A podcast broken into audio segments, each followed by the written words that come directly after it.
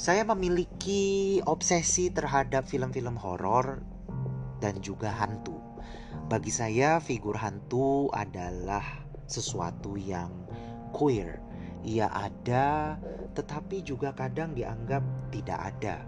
Ia kadang dianggap tidak ada, tetapi sebenarnya ada, gitu ya.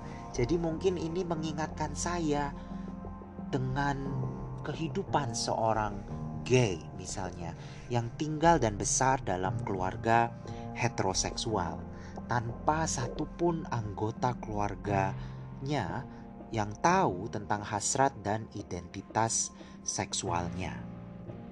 Ya, figur hantu